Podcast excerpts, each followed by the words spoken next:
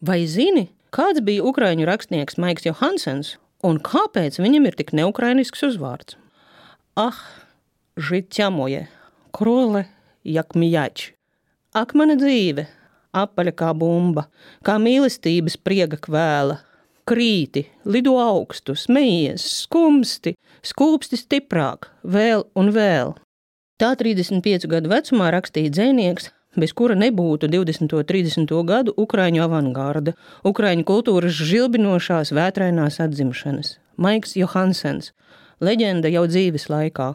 Viņa spalvai pieder viens no spožākajiem un dulākajiem ukrāņu prozas tekstiem - garstāsts mācītā doktora Leonardo un viņa nākamās mīļākās daļās Alčestes ceļojums uz Slobidu Šveici.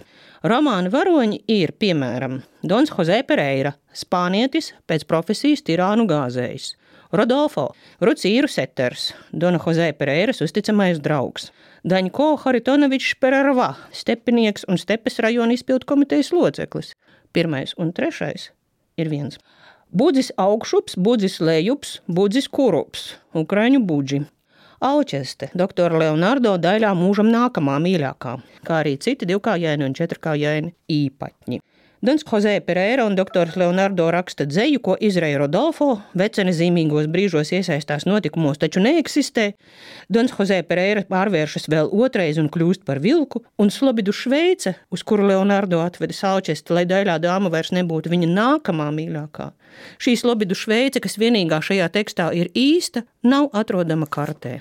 Šī pasakainā garstāsta autors bija žilbinoši talantīgs eksperimentētājs, kura mērķis bija izkustināt mūsu priekšstats par to, kādai jābūt literatūrai. Iesaistīt lasītāju spēlē, vienlaikus parādot, kādu estētisku baudījumu var gūt no šiem eksperimentiem. Kā viņš pats raksta vienā no savām autobiogrāfijām, Es tomēr mīlu literatūru. Es ļoti mīlu vārdus un domāju, ka tie man atbild ar tādu pašu mīlestību. Es mīlu tos ar nesavtīgu mīlestību ne tādēļ, ka tie mani baro. Tiem mani jābaro, jo esmu tos dzemdinājis. Es vārdus mīlu tādēļ, ka tie ir mani spēlējis, mani izklaidē un nekad mani neaizmirst. Vārdus viņš dzemdināja visādi. Johansons rakstīja daudz un dažādi. Teiksim, laužot jebkādu žanra kanonus, tapis dēku romāns Makleistona, Harija Rūperta un citu piedzīvojumi. Tā pirmās nodaļas satura aprakstā ir punkts, ko nodomātu albatrosis, ja prastu pīpēt, un romāns kļuva par pirmo ukraiņu bestselleru.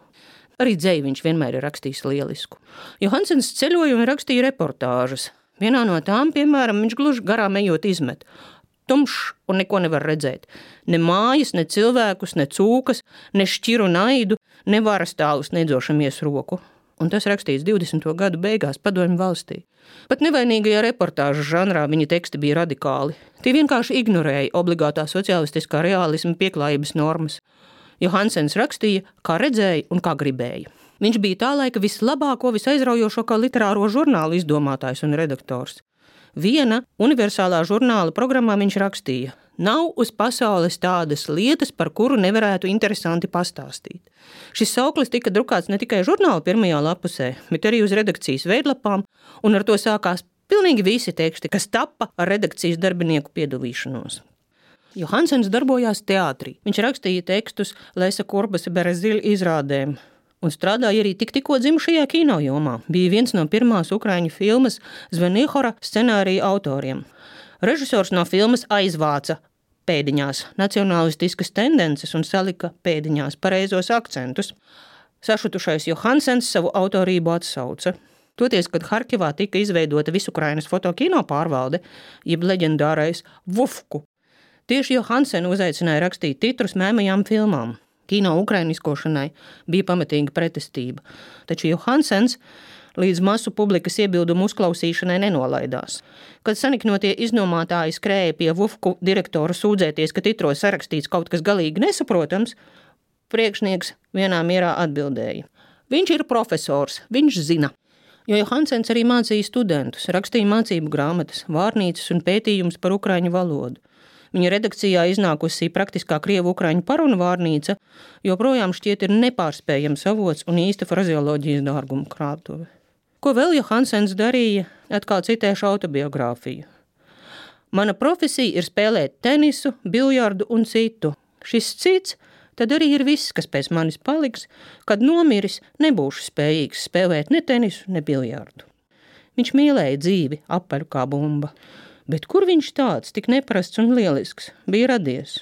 Jo Hansens, īstā vārdā Mihailo, bija Harkivietis. Harkivas universitātē studējis klasisko filoloģiju tieši tad, kad tur ievadu valodniecībā un daudzus citus aizraujošus priekšmetus lasīja profesors Enzelīns. Interese par senajām valodām Johansenam radās agrāk, jau gimnāzista gados, kad viņam latīņu valodu mācīja Leipzigas universitāti beigušais Jānis Mežlauks. Tajos pašos gimnāzista gados viņš, citēju, atradis, ka tā dzeja sanāk dabiskāka, sāk rakstīt ukraiņu valodā, jo pirms tam dzējojis bija tikai krieviski un vāciski. Šos dzējoļus viņš 16. gadā rituāli sadedzināja. Jo raugi, viņa māte gan bija kozacieta no Starobiļskas, taču viņa tēvs vācu valodas skolotājs Hervāsijus Johansen bija dzimis Iecevā un beidzis Jelgavas ģimnāziju. Nekur nav minēts, ka Herja Hansens būtu prātis latviešu valodu. Bērniem viņš vakaros lika lasīt Gētes Faustu, taču ir zināms, to es pati atradu, ka 97. gadā viņš kopā ar citiem Harkivas latviešiem Jurjāna Andreja rīkotajā jaungada kolektē ziedojis naudu trūcīgu latviešu studentu atbalstam. Tādēļ varbūt negaidītais un ukrāņu filologu straki mulsinošais iespraudums Vadzīs sirsniņ, jo Hansena dzējolī lietus, došķ, ir atbalsts no bērnībā dzirdētas latviešu valodas. Tomēr pēc apmešanās ēnu valstībā risināt saprātīgu sarunu ar Hēsiodu, Hēni un Cervantesu, viņš dzirās ukrainiski, jo ticēja, es citēju, ka mūsu puķotā dzimtene ir dimants pasaules brīvo tautu ķekarā.